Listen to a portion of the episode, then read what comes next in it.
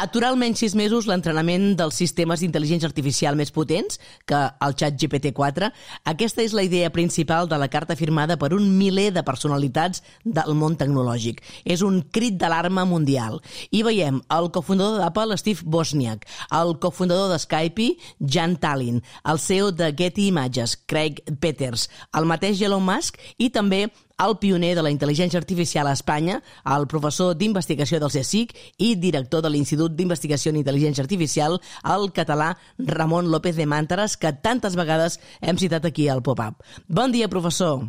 Hola, bon dia, Mariola, com anem? Això que s'ha firmat no va en contra del desenvolupament de la IA, no? Què demaneu? A veure, que quedi molt clar que aquí no es tracta d'aturar la recerca, el desenvolupament de la IA, en general, globalment, sinó de quelcom molt concret, que és el que se'n diuen grans models de llenguatge, en anglès és Large Language Models, LLMs, que un l'exemple més conegut, que tothom ha sentit parlar darrerament, és aquest famós xat GPT, no? Pregunta-resposta de conversa o que pots escriure una, un text i, i te'l completen. Eh, sistemes també que a partir d'un text generen imatges o fins i tot ara n'hi ha que generen eh, vídeos. Eh, és tot això que se'n diu intel·ligència artificial generativa, que és dels, dels darrers eh, 7-8 mesos potser que, que està, diguem molt, molt, molt de moda, no? Perquè eh, aparentment, doncs, eh, semblaria eh, que, que són capaços de, de, de tot, de respondre a qualsevol cosa, que tenen, que sembla, dic sembla, eh, que això ho empatitzo molt, eh, sembla que, que entenguin el llenguatge. Quan la veritat és, no és això, absolut no entenen res. Clar, ens estem com emocionant una mica massa. Clar, clar, a la carta demaneu que es gestioni de forma adequada i segura i també fan falta regles i controls, no? Això ja, moltes de les converses que hem tingut ja anteriorment, doncs eh, ens ho remarcaves, no? Clar, la, la pregunta és, què ha canviat respecte a les últimes vegades que hem parlat? La irrupció del xat GPT, eh, què ha suposat al sector? Ha estat realment un tsunami? Sí, sí. Bueno, el tema és que amb això la capacitat retòrica o de manipulació o de persuasió que, té, que tenen aquests sistemes, perquè eh, t'arriben t'arriben a confondre, no? Si no ho tens allò molt, molt clar, pots pensar, ostres, compte, que, que, que això és una màquina, eh, que no estic parlant amb una persona, no? I aquesta sensació, que és, tot és fals, eh, és façana, de que ens estan tenint és el gran problema. És, hi ha hagut un salt, un salt qualitatiu important. Abans era, era molt clar que no, que no, no, que no, podien, no podien generar un text allò massa suficientment Eh, ben, ben fet, no? ben escrit, no? I ara, sí, aquesta tecnologia que genera, doncs, eh, eh, és, és, arriba a confondre. Vull dir... Clar, abans es notava molt que era una màquina i ara no tant, i això té, té uns certs perills i riscos, no? Clar, ara la, és la, la línia aquesta és molt més fina entre donar-se compte si, i saber que el que està a l'altra banda de, no, és, no, és una, no és una persona. El Daniel Dennett, aquest famós filòsof de la ciència, ja ho ha denunciat dient que en anglès diu counterfeit people, és a dir, gent falsificada. I arriba a dir, arriba a dir que diu si, si falsificar moneda és un delicte, eh, doncs falsificar persones hauria de ser eh, fins i tot més greu. Eh? Donant a entendre doncs, de que s'hauria de prendre mesures eh, estrictes contra això, no? Uh -huh. Clar, eh, l'argument és força interessant, diu, diu que serà d'una societat on hi ha sigui gairebé impossible distingir si quelcom és fals o és real, no? La invasió que hi pot haver de desinformació i de falsetats, tant a nivell de text com d'imatges i fins i tot de vídeo, diu, pot causar un baix brutal a la societat. Eh, els efectes poden ser terribles.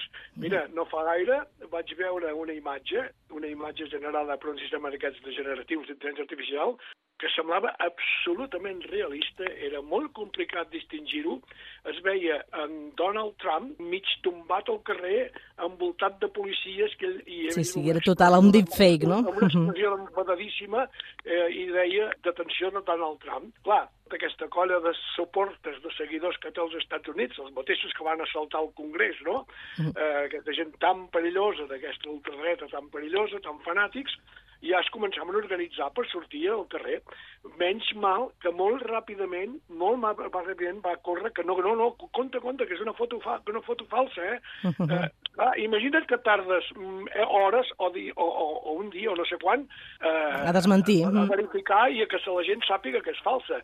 Què hauria passat? No, ha fet pensar molt aquesta fotografia, aquestes imatges, i eh, es posaran com a exemple del que ens pot arribar a passar. Clar, no, no sé, quina diferència hi ha entre aquesta carta que s'ha publicat a nivell mundial, amb mil persones que heu firmat, eh, i la declaració de Barcelona, de la qual ja n'havies comentat, perquè crec que uns quants especialistes en IA veu fer aquesta declaració de Barcelona que ja eh, volíeu que s'hi posés més ètica a la intel·ligència artificial. Exacte.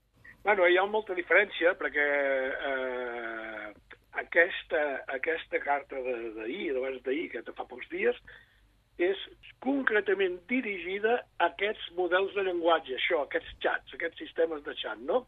No a tota l'intel·ligència artificial. El que vam fer nosaltres el 2017 de la Declaració de Barcelona sobre un ús adequat i ètic de la intel·ligència artificial és més ampli, és més ampli.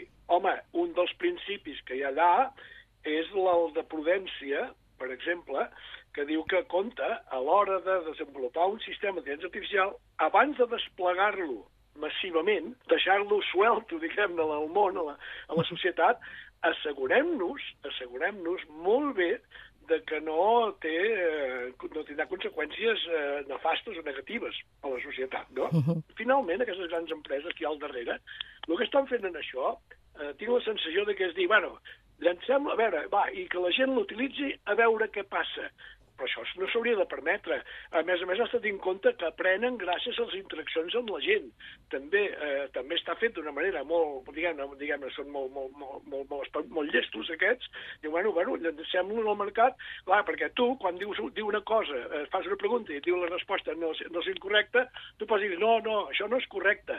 Llavors, ah, bueno, no, llavors et respon, eh, diu, ah, pues, potser és això altre. Però no, no, això no és correcte fins que hi ha com una espècie d'intercanvi amb tu, amb l'usuari humà, amb l'usuari humà, que, que li estàs dient i acabes dient-li el que hauria de ser correcte. El pots manipular, clar. Això, això no s'oblida, això queda incorporat en el sistema. El sistema aprèn a partir d'aquí. Aquestes empreses el que els interessa és que hi hagi molts milions i milions i milions de persones que els utilitzin perquè així els van, eh, d'una manera, els, els surt gratis, com qui diu, que estàs entrenant, els estàs millorant. És una guerra de marques, no? Perquè, per exemple, també s'especula que Google tenia una eina d'aquestes característiques però que no l'ha llançat al mercat perquè encara no estava del tot entrenada, no? Llavors, ah es va voler avançar OpenIA eh, en, en col·laboració amb Microsoft fent això, no? Clar, és un perill. BARD, de, de Google, hi ha, hi ha un, um, uh, uh, aquests de l'OpenAI que s'ha associat, Microsoft s'ha associat a OpenAI uh -huh. amb, amb aquesta, que es diu Bing, i el xat GPT. Uh, Facebook també en té una, ja té, també té un xat GPT, i aquests són els grans, no?, les grans corporacions que tots coneixem, però és que després hi ha moltíssimes altres empreses que no, que no són tan conegudes ni molt menys, eh, que estan també desenvolupant el seu xat seguint aquesta tecnologia, no? I aquí el que hi ha ara és una espècie de, de cursa, eh, una cursa a veure, eh, per, per, per, per veure aquí, ja, i al darrere hi ha una, un negoci enorme, no? A veure qui s'emporta el, tros més gran del pastís o sigui s'emporta el pastís sencer. Mm. I eh, això és un gran problema, perquè precisament jo penso que eh, amb tot això, i, i jo dic, jo he signat aquesta carta, aquesta carta, òbviament, perquè penso que la moratòria és una cosa bona. Però no estic d'acord amb moltes coses, amb, bueno, moltes, amb algunes coses que s'afirmen, eh? La carta eh, ve a dir coses de com que la intel·ligència artificial tot poderosa, que ja no és eh, gairebé indistingible humana, i tot això no existeix en absolut no existeix en absolut. Es presta confusions aquesta carta. Aquesta carta d'alguna manera també contribueix al hype, no? a, a aquesta moda de la intel·ligència artificial. Jo crec que els riscos i els danys no estan, no, no són tan una intel·ligència artificial massa poderosa, així en general, sinó el, el problema és aquesta concentració de poder en mans d'algunes poques grans corporacions, algunes poques persones, finalment, i sobre el, el dany que estan fent en l'ecosistema d'informació, o sigui, la desinformació, per una part, i també, compte, el dany que estan fent a l'ecosistema natural, perquè per entrenar aquests sistemes tan, tan aquests models tan grans, aquests sistemes artificials tan, tan, tan enormes, requereixen una quantitat d'energia, o sigui, d'energia elèctrica, recursos energètics brutals. Això no és sostenible. Estan, eh, per entrenar, per entrenar un, un xat GPT d'aquests, el GPT-4, ara es parla del GPT-5 ja, crec que l'estan entrenant, això són, està, està consumint està, eh, una, una quantitat de quilowatts d'energia de, de, que no, que no t'ho pots ni imaginar. Uns deien l'equivalent a, a, a, 300, a 300 llars americanes durant un any per fer un sol entrenament d'un d'aquests sistemes i de, amb un cost de 4 o 5 milions de dòlars. És dir, clar, això no m'ha realment els que porten la, la, el, el, el capdavant per poder assumir aquests costos i aquest equipament de supercomputació, de, de, de molt sistema de, de ser, computació d'altres prestacions consumint tanta energia, això no està a l'abast de qualsevol. Uh -huh. Per tant, la intel·ligència artificial ara està a les mans d'uns pocs, i això és el que ens ha de fer por.